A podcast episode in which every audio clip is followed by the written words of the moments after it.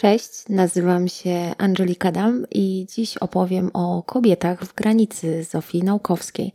I zacznę od tego, że choć głównym bohaterem utworu naukowskiej jest mężczyzna, Zenon Ziembiewicz, to w otoczeniu tego bohatera poznajemy wiele kobiet, które mają większy bądź mniejszy wpływ na jego los ale też e, kobietom w tej powieści muszę poświęcić szczególną uwagę, bo autorka dzieła jest przecież kobietą i ona w tej powieści psychologicznej szczególną uwagą obdarza właśnie też psychikę kobiet i to, co dzieje się z nimi w skrajnych sytuacjach. Widzimy więc w tej powieści kobiety skrzywdzone, naznaczone swoim losem. Przy tym, co jest dość istotne, los kobiet został zaprezentowany przez naukowską jako odmienny od losu mężczyzny. I trochę też dzisiaj opowiem o wartości kobiety, o tym, w jaki sposób kobiety w granicy same swoją wartość postrzegają, a też na przykładzie Cecylii Kolichowskiej opowiem, jak wielkie nadzieje pokładają w swojej urodzie i jak dotkliwe bywa dla nich obserwowanie upływającego czasu. I zanim tak zacznę opowiadać o tych kobietach, to może sobie najpierw tę grupę trochę tak pogrupuję, podzielę. I nie zacznę wcale od tych najważniejszych, czyli od Elżbiety i od Justyny, ale od tych najstarszych, Cecylii Kolichowskiej, która była opiekunką Elżbiety oraz Joanny z Niemierów, która była matką Zenona, ona też jest zwana w tej powieści Żancią. I kiedy będę opowiadać o Elżbiecie i Justynie, też wspomnę o ich rodzicielkach, o tym, jakie one miały wpływ na kształtowanie się osobowości tych kobiet i jakimi kobietami też same były. I na sam koniec postaram się też nie zapomnieć o tych, które są przedstawicielkami tej warstwy społecznej najbiedniejszej w granicy, chociażby Władziowej, Jasi Gołąbskiej czy chociażby Posztalskiej i im także poświęcić przynajmniej jakby sekundkę właśnie tej swojej wypowiedzi. Zacznijmy zatem od Cecylii Kolichowskiej. Ja wiem, y, że to, co teraz powiem, może zabrzmieć dziwnie, ale dla mnie jest to jedna z najbardziej interesujących kobiet w granicy. I wiem też, że może Waszej sympatii ona specjalnie nie wzbudziła, ale może uda mi się w tej mojej wypowiedzi przekonać Was, że warto przyjrzeć się tej postaci nieco bliżej. W momencie, kiedy poznajemy tę bohaterkę, ma ona około 50 lat i jak mówi sam narrator, w jej życiu właściwie wszystko się już skończyło. W przeszłości miała dwóch mężów. Pierwszym z nich był e, Konstanty Wąbrowski, z którym e, to pierwsze małżeństwo trwało około 10 lat. Ostatecznie Konstanty Wąbrowski uciekł za granicę i zostawił ją z ośmioletnim synem. On za granicą ponownie założył rodzinie, rodzinę, e, potem popełnił samobójstwo. E, drugim mężem e, Cecylii był Aleksander Kolichowski. To był mężczyzna 15 lat od niej starszy, bardzo zazdrosny i zaborczy. Wiemy, że nawet kiedy wychodził wieczorami, to potrafił sprawdzać, czy Cecylia e, została w domu, czy na pewno na przykład nie wyszła z, ze swoimi przyjaciółkami. Po śmierci Kolichowskiego Cecylia odziedziczyła kamienicę i ona sama też zresztą mówiła, że pierwsze małżeństwo było z miłości, a drugie z rozsądku. Ja tylko jeszcze dodam, że w przypadku tego Kolichowskiego spotkało też Cecylię ogromny zawód, bo e, po jego śmierci dowiedziała się też, że no, miał on też kontakty z jakąś inną kobietą i to też przyczyniło się do jakiegoś takiego pogorszenia jej, e, jej spojrzenia właśnie na to, na to drugie małżeństwo.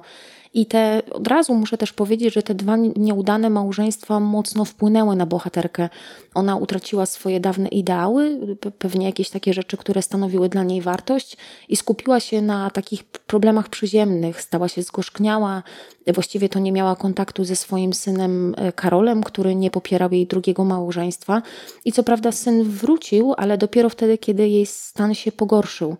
I właściwie całe życie Cecylii wypełnia zarządzanie kamienicą. Ona żyje życiem tej kamienicy, a tam się dzieją różne rzeczy, bo lokatorzy nie płacą, budynek nie przynosi dochodów, więc ona przerabia na mieszkania nawet strych i piwnice. No a przy tym wszystkim, borykając się z tymi kłopotami, jest niezwykle samotna, prawie nie opuszcza domu, jej stan fizyczny się pogarsza. Z czasem właściwie, żeby móc się poruszać, jest zdana na to, by podpierać się laskami, choć trzeba też dodać, że są takie dni, kiedy w ogóle nie wstaje, nie wstaje z łóżka. Przez znaczną część swojego życia e, Cecylia zajmuje się wychowywaniem Elżbiety Bieckiej. Ona została jej oddana po tym, jak e, związek rodziców Elżbiety się rozpadł, a jej matka wyjechała za granicę. I choć Cecylia jest dla dorastającej dziewczynki surowa, to widać, że jest do niej bardzo przywiązana. Zresztą Elżbieta już jako dorosła kobieta opiekuje się kamienicą i starą ciotką. I jeszcze wracając do samej Cecylii, może jeszcze nie omawiając jakby tych emocji związanych z Elżbietą, to muszę powiedzieć, że Cecylia w momencie, kiedy ją poznajemy, kiedy ma te 50 lat, to nie jest kobietą piękną. Na jej twarzy widać zgorzknienie i taki ból minionych lat. Jej ciało jest słabe, a właściwie to trzeba też o tym powiedzieć, że bohaterka zdaje sobie sprawę z tego, w jaki sposób czas odcisnął na niej swoje piętno. I pewnie, kiedy wy myślicie o tej bohaterce, to przypomina wam się taka e, bardzo znana scena z granicy, scena jej imienin, e, które przypadały 20, czy które wypadały 22 listopada i gromadziły wszystkie jej znajome i przyjaciółki, posztalską, gieracką, tawnicką czy warkoniową. My mamy dostęp do obrazu tych imienin e, zarówno wtedy, kiedy Elżbieta jest jeszcze małą dziewczynką, jak i później, kiedy, czy młodą kobietą, jak i później, kiedy już Cecylia jest zdecydowanie starszą osobą i wtedy, kiedy część tych przyjaciółek w zasadzie już, e, w zasadzie już nie żyje. Niemniej imieniny są obchodzone. W trakcie tych imienin podaje się kobietom niewielką ilość alkoholu oraz tort orzechowy. I właściwie to wydarzenie uświadamia każdej z obecnych na tym spotkaniu kobiet nieuchronny upływ czasu. One za wszelką cenę starają się maskować mankamenty swojej urody, strojem nawiązywać do jakichś czasów e, dawnej świetności, bogactwa, czy tego momentu, kiedy ich uroda była zdecydowanie bardziej kwitnąca. I podczas, podczas tych scen prezentowane te kobiety były jako kobiety mm, takie, jako postacie takie zamknięte, żyjące przeszłością, o ograniczonym sposobie postrzegania. To szczególnie widać podczas ich rozmów. Jest taka e, ciekawa rozmowa, e, w trakcie której komentują zachowanie swoich służących i pomimo tego, że mówią już o tej pozornej równości, to tak naprawdę widać, że nie traktują e, swoich służących jak równe sobie, równych sobie kobiet. I y, takim jednym z głównych lęków Cycylii było to, że Elżbieta może ją kiedyś opuścić. Czy to y, dla matki, czy Awaczewicza, czy później Zenona. I to właśnie dlatego początkowo y, Cecylia wobec Zenona jest niechętna. Gdy jednak następuje taki moment, że zdaje sobie sprawę, że małżeństwo z Zenonem jest szansą na zatrzymanie Elżbiety w mieście, staje się wobec niego zdecydowanie bardziej przychylna. I już tak podsumowując, to chciałabym powiedzieć, że Cecylia to jest taka kobieta, która nie ma złudzeń wobec świata i ludzi, bo życie doświadczyło ją tak bardzo, że nie potrafi wykrzesać z siebie choć odrobinę radości. I śmierć tej bohaterki po wcześniejszym przyjeździe jej syna jest dla czytelnika czymś takim naturalnym, to znaczy nie budzi zaskoczenia, bo ona przed śmiercią uzyskuje od syna przebaczenie, od Karola i słowa miłości, niemal właściwie uwielbienia. Moim zdaniem, już tak podsumowując, Cecylia jest postacią bardzo ciekawą i szalenie podoba mi się to, jaką rolę w tej powieści dała jej Naukowska zwłaszcza wobec Elżbiety, bo ona nie tylko pełni funkcję opiekunki, ale też dzięki obserwacji Cecylii Elżbieta uczy się, czym jest starość i coraz bardziej się z nią oswaja. Trochę to jest tak, jakby Cecylia w pewnych fragmentach była takim lustrem, w którym przegląda się Elżbieta i w którym może zobaczyć też e, to, w jaki sposób będzie wyglądać jej przyszłość. Kolejną postacią, której chciałabym poświęcić chwilę jest Żancia, czyli matka Zenona, czyli Joanna. Ona jest e, żoną Waleriana Ziembiewicza i matką Zenona. Jest to kobieta taka, tak ją poznajemy na początku jako kobietę taką cichą i oddaną rodzinie, która z pokorą zgadza się na swój los i jest bardzo pobłażliwa wobec zachowania męża. Zachowania męża, który nie dba o majątek, zdradza ją ze służącymi i w zasadzie to jest też ciekawe, że ona po śmierci tego męża wspomina go z rozżywieniem. Nie pamięta jego dawnych przewinień czy tego bólu, który on jej zadał. I po śmierci tego męża, y, później obserwujemy Żancie w momencie, kiedy ona mieszka już z Zenonem, przenosi się do Zenona i Elżbiety wraz y, z częścią swojej służby i tam zajmuje się tym w zasadzie, co robiła w Bole Boże, czyli wydawaniem dyspozycji tej służbie. I też ona pełni ważną rolę w zakończeniu tego utworu, bowiem po śmierci Zenona to właśnie ona zajmie się małym Walerianem w momencie, kiedy Elżbieta e, pozostawi dziecko i sama wyjedzie, e, nie mogąc poradzić sobie w zasadzie z samobójstwem Zenona. I Żancie to jest taka postać, której uderzające jest to, że ona jest zadowolona ze swojego życia. Ona uważa, że przeżyła je najlepiej jak mogła, nie ma do siebie pretensji o przeszłość i teraz żyje raczej szczęściem innym, przede wszystkim e, syna i synowej. Nie wiem, czy zwróciliście uwagę, ale ona bardzo intensywnie tak chłonie każde momenty intymności pomiędzy Zenonem i Elżbietą. Jest bardzo ich spragniona i też daje im sporo miejsca na tę na te intymność. I ja wiem, że ta bohaterka może budzić w Was większą sympatię niż Cecylia, ale ja raczej za nią nie przepadam. Ona jest co prawda rzeczywiście uśmiechnięta, e, taka wesoła, pozytywnie nastawiona do, do pozostałych bohaterów, ale z drugiej strony ja bym powiedziała, że ona jest też bierna, podporządkowana jakiemuś rytmowi życia i roli tej żony i matki, którą sobie wyznaczyła. W pewnym momencie ona nawet, y, y, nie wiem czy to gdzieś narrator nam opowiada, mówiąc o myśleniu Żanci, to mówi nam wtedy, że ona była taką kobietą, która co prawda widziała, że jej mąż ma różnego rodzaju problemy, między innymi za dużo je i pije i w związku z tym jego stan zdrowia się pogarsza, ale no nie była taką kobietą, która z tego powodu czyniłaby mu wymówki. Uważała, że to jest, nie, nie wiem czy to jest dobre słowo, ale powiedziałabym jakieś trochę niegodne. I w pewnym sensie może dla Was taka zgoda na ten los, ta taka nieumiejętność postawienia się mężczyźnie jest w jakiś sposób ciekawa, może nie godna naśladowania, ale ciekawa.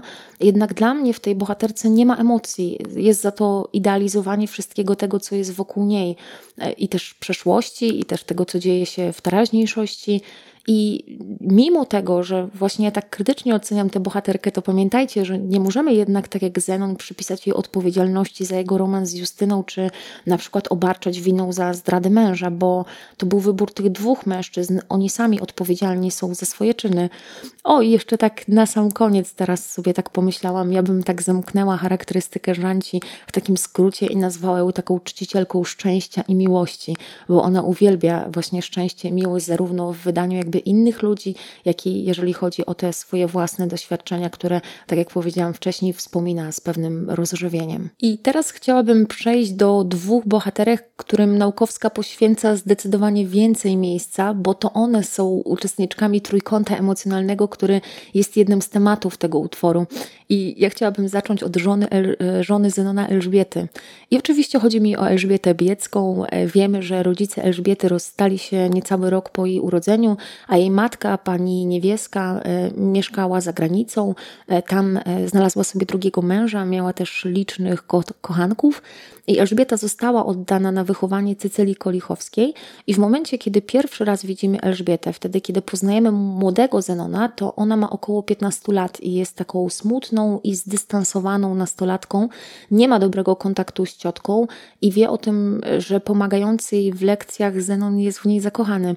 Ona nie traktuje tej miłości z szacunkiem, ona trochę tym gardzi, dlatego że sama w tym czasie jest zakochana w Awaczewiczu, kochanku jej nauczycielki Julii Wagner. I gdy dochodzi do ponownego spotkania i Elżbiety i Zenona, to ona jest już kobietą dorosłą. E, w tamtym momencie zarządza kamienicą swojej ciotki i opiekuje się właśnie tą starszą kobietą, ale nadal nie potrafi okazywać uczuć. To w dużej mierze z tego względu, że właśnie wychowywana była przez Cecylię, no i porzucona przez, e, porzucona przez rodziców. Nie, tak, tak więc nie potrafi okazywać uczuć, nie potrafi ich wyznawać, co zresztą wypomina jej Zenon. Wiemy jednak, że jest bardzo wrażliwa. I są takie sceny, które w namacalny sposób to pokazują, na przykład wrażliwa na cierpienie zwierząt, wtedy kiedy obserwuje los psa Fitka, czy na trudną sytuację mieszkańców kamienicy, wtedy kiedy na przykład wstawia się za nimi, nawet wtedy kiedy na przykład dozorca nie może już e, pracować. I pomaga tym potrzebującym nawet wtedy, gdy Zenon jest prezydentem. I to jest takie ciekawe, bo ta pomoc może zostać też przeniesiona na samego Zenona, bo w momencie, kiedy Zenon wyznaje jej swój romans i kiedy mówi jej wprost, że potrzebuje pomocy, to ona także nie potrafi mu, nie potrafi mu odmówić. A kiedy już mówimy o tym romansie, to warto o tym powiedzieć, że gdy Zenon wyznaje ten właśnie romans oraz wyznaje jego konsekwencje, Elżbieta postanawia usunąć się w cień, bo uważa, że Justyna ma do jej ukochanego więcej praw. I ona postanawia wyjechać wtedy do matki. To jest też w ogóle ciekawy wątek, jak Elżbieta czuje się w otoczeniu matki, tej takiej pięknej, nawet bezużytecznie pięknej kobiety, która wyjedzie salonowe życie wśród rozpieszczających e, ją kochanków. I mimo tego, że Elżbieta wyjechała, już porzucę ten wątek matki, to bardzo szybko zmieniła zdanie i postanowiła wrócić do Zenona, gdy tylko on przyjechał do niej do Warszawy. I ona jest wtedy tak strasznie naiwna, bo nawet nie pyta go, w jaki sposób załatwił sprawę Justyny i jej dziecka. I tak bardzo jakby chce zbudować rodzinę z Zenonem, że nawet nie pyta właśnie o to i postanawia zbudować sobie to życie na dość kruchych podstawach. Ona tego jeszcze nie rozumie, ale wtedy zaczyna budować swoje życie na krzywdzie innej kobiety i naiwnie wierzy, że ona już nigdy nie powróci do ich życia. Szybko jednak przekonuje się, że jest odmiennie, jest inaczej i musi ona wziąć na siebie odpowiedzialność za czyn Zenona. W związku z tym załatwia Elżbiecie kolejne stanowiska, a robi to wszystko po to, aby chronić swoją rodzinę i karierę męża ten trójkot w zasadzie staje się sekretem pary i moglibyśmy podejrzewać, że ten sekret ich zbliża. I choć z pozoru ich życie wygląda na idealne, to z czasem właśnie z powodu tego sekretu wyrasta pomiędzy nimi mur wzajemnych pretensji i niezrozumienia. To znaczy, kiedy obserwujemy związek Elżbiety i Zenona, to początkowo wydaje się, że oni są bardzo zaborczy w tej miłości, że bardzo chłoną tej intymności, cały czas zachowują się jak stęsknieni ze sobą kochankowie, ale z czasem im bardziej Elżbieta pogrąża się w, tych, w tym niepokoju, który jej towarzyszy, im bardziej Zenon też zmienia się pod wpływem też tego, że jest prezydentem, pod wpływem różnych kłopotów, tym bardziej właśnie para się od siebie oddala. I Elżbieta żyje w zasadzie w ciągłym strachu, zwłaszcza wtedy, kiedy stan jej męża się pogarsza i w pewnym momencie no już musi zdać sobie sprawę z tego, że konsekwencje jej wyboru spadną na nią w sposób no, nieuchronny. I w zakończeniu tego utworu, już po samobójstwie Zenona, mimo tego, że kocha swoje dziecko, to podobnie jak jej matka wcześniej postanawia zostawić je pod opieką swojej teściowej, no po prostu ucieka. Tą drugą najważniejszą e, postacią w granicy jest Justyna Bogutówna. Ona jest córką Karoliny Bogutowej. Ona wychowywała się bez ojca, bo kiedy jej matka, no wychowała się bez ojca, a kiedy jej matka była w ciąży, e, to straciła pracę najpierw w jednym domu w Arkoniowej, no i potem ogrodnik z Chązewnej Borbockiej załatwił jej pracę w majątku Tczewskich. I dlaczego o tym mówię? Bo to tam właśnie wychowywała się mała Justyna, która w tym czasie bawiła się z małą hrabianką Tczewskich Różą. I to niewątpliwie na nią wpłynęło. Nie wiem, czy zwróciliście na to uwagę, ale niektórzy właśnie wspominają, że pomimo tego, że ma takie proste pochodzenie, to jest w niej taki rys jakby e, przynależności powiedzmy do, do innej warstwy społecznej. I wracając do tej matki, to z powodu pogarszającego się stanu zdrowia Karolina traciła kolejne posady i w końcu wylądowała wraz z Justyną w Boleborze. Justyna zajmowała się w tym miejscu głównie wyszywaniem bielizny i pomocą matce. I to właśnie tam wplątała się w romans z Zenonem, bo też dlatego, że wierzyła, że mężczyzna jest inny, bo zachowywał się wobec niej inaczej. I tak naprawdę ona wierzyła, że kiedy Zenon e, wyjedzie na te nauki paryskie, to po tym jak wróci, to, to będzie chciał z nią być ponownie. To znaczy wierzyła, że ten związek po prostu przetrwa. I w międzyczasie, kiedy Zenon e, był w Paryżu, mm, Justyna traci matkę.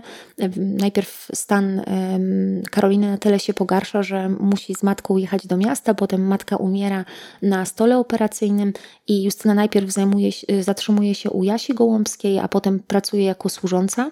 No i w międzyczasie wraca Zenon e, i spotykają się i wtedy Justyna zachodzi w ciążę z Zenonem. I bardzo szybko musi zdać sobie sprawę z tego, że Zenon jej nie pomoże i podejmuje decyzję o usunięciu tego dziecka. Wiemy, że ta decyzja nie jest do końca jej, to znaczy ona podjęła ją też pod wpływem tego, że otrzymała od Zenona pieniądze. My nie mamy dostępu do, dokładnie do uczuć, które towarzyszyły Justynie. Wiemy, jak wyglądał cały zabieg, w jaki sposób e, ona czuła się w trakcie tego zabiegu, ale nie wiemy, jakie bezpośrednio myśli przed samym zabiegiem jej towarzyszyły. Natomiast możemy domyśleć się, że skoro podjęła tę decyzję, no to czuła się, jakby tak kolokwialnie mówiąc, została postawiona pod ścianą i nie miała wyboru, jeżeli chodzi o, o, o ten swój dalszy los. I takim uczuciem, które ciągle towarzyszy Justynie jest takie poczucie bycia samotną. Ona czuje się bardzo samotna, a po utracie dziecka ten stan się jeszcze pogarsza. W pewnym momencie Justyna zdaje sobie sprawę z tego, że ona jako jedyna mogła zapewnić e, temu dziecku bezpieczeństwo i w pewien sposób czuje się jakby to dziecko trochę zawiodła. Zanim jeszcze jednak e, stan psychiczny Justyny się pogorszy, no to ona oczywiście chce pracować i podjąć tę pracę, prosi Zenona o pomoc, bo marzy, by pracować w sklepie. E, dlatego najpierw e, Elżbieta załatwia jej pracę u Trocińskiego, potem w cukierni u Honzowicza. U Trocińskiego zresztą jest świetną pracownicą, ale ponieważ czuje się coraz gorzej, to po prostu przestaje przychodzić do pracy. Natomiast praca w cukierni przynosi jej zawód. I już po utracie tej pracy bohaterka coraz bardziej zamyka się w sobie, przestaje dbać o siebie, na przykład nie gotuje, nie rozpala ognia, potrafi cały dzień leżeć w łóżku, staje się coraz też coraz bardziej niespokojna, dręczą ją koszmary, słyszy jakieś głosy, myśli o, zrobienie, o zrobieniu krzywdy Zenonowi. I tutaj na ten stan nie pomoże nawet sprowadzenie przez Zenona lekarza i pielęgniarki. Justyna w ostatecznym jakby rozrachunku obleje twarz Zenona żrącą substancją, y, ale wcześniej jeszcze, o tym trzeba powiedzieć, doprowadzona do takich skrajnych uczuć, y, będzie miała y, na swoim koncie powiedzmy nieudaną próbę samobójczą. Ona poprzedzi jakby to, co zrobi ona, co zrobi Justyna Zenonowi. I ja chciałam tak podsumowując tą swoją wypowiedź o tej bohaterce powiedzieć, że ona jest taką postacią, która budzi współczucie, bo ta prosta, kochająca i naiwna młoda kobieta naprawdę szczerze wierzyła w uczciwość zamiarów Zenona trudne warunki życia, utrata wszystkich, tak, utrata tych bliskich i to zabicie własnego dziecka powodują w niej nieodwracalne zmiany psychiczne. I, I, wydaje się nawet, co jest tym jakby ciekawsze, że Justyna próbuje z tymi e, uczuciami, które jej towarzyszą, walczyć, bo ona na przykład ostrzega Zenona sama przed sobą. Nie jest jednak w stanie w pełni zrozumieć tego, co się z nią dzieje, bo jest też bardzo prostą kobietą i dużo jest w niej czucia, ale nie potrafi do końca zinterpretować tych towarzyszących jej emocji. Moim zdaniem Justyna uosabia los wielu kobiet w tamtym okresie, bo podobnie jak właśnie wiele kobiet e, w wieku XX czy w wieku XIX ona była wykorzystywana. To, to, było dość powszechne, że w majątkach, w których pracowały kobiety, były one w różnoraki sposób wykorzystywane przez mężczyzn. I Naukowska pokazuje, jaki jest los tych kobiet. One zdane są same na siebie i w zasadzie często to wykorzystywanie wiąże się ze zdecydowanym pogorszeniem losu tych kobiet i niemożnością potem podźwignięcia się. I kiedy zbudowałam ten wstęp, to powinnam jeszcze na sam koniec y, powiedzieć y, o tym, że na szczególną uwagę zasługuje też u Naukowskiej portretowanie kobiet pochodzących z najniższych warstw społecznych. Ja zwłaszcza chciałabym odnieść się do losów Jasi Gołąbskiej, tej kobiety spod podłogi, która traci kolejne dzieci, a w końcu też sama umiera.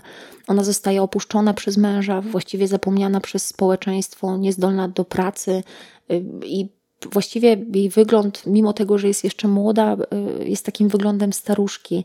I ona przez to wszystko, przez to opuszczenie, przez to zapomnienie ze strony społeczeństwa może stać się niemal modelowym przykładem kobiety właśnie z tej najniższej warstwy społecznej. I spójrzmy też na los innych kobiet, czy na przykład Włodziowej, czyli kobiet, które właściwie nic nie znaczą bez mężczyzn, skazanych na jakiś wstyd, ubóstwo, na jakąś próbę rekompensowania sobie tych wszystkich błędów, które dawniej popełniły i też tych błędów, które popełnili mężczyźni, e, którzy o te uczucia w przyszłości zabiegali, a dzisiaj w jakiś sposób no, nie są w stanie zapewnić tym kobietom jakichkolwiek, e, jakichkolwiek e, podstawowych warunków do życia. I tak już na zakończenie przyjmuje się, że to początek dwudziestolecia międzywojennego to jest taki początek, kiedy kobiety zaczęły mieć prawa, no bo przecież w 1918 roku uzyskały, uzyskały prawa wyborcze i właściwie my tak lubimy myśleć o tym, że od tamtego momentu kobiety stały się wolne i niezależne i mogły samodzielnie kształtować swój los. Jednak książka ta pokazuje, jak bardzo my się mylimy, jak bardzo los kobiety jeszcze bardzo długo, a w wielu przypadkach nawet do dzisiaj jest zależny od mężczyzny, i że ta wolność, o której my tak lubimy mówić dzisiaj, e, ta wolność, którą miały kobiety w dwudziestoleciu międzywojennym, była tylko iluzją, bo społeczeństwo nadal inaczej traktowało i oceniało zachowanie kobiet i mężczyzn. Pytanie, jakby zostawiam Wam, czy do dzisiaj mamy do czynienia z takim procesem. To dzięki za dzisiaj i do usłyszenia.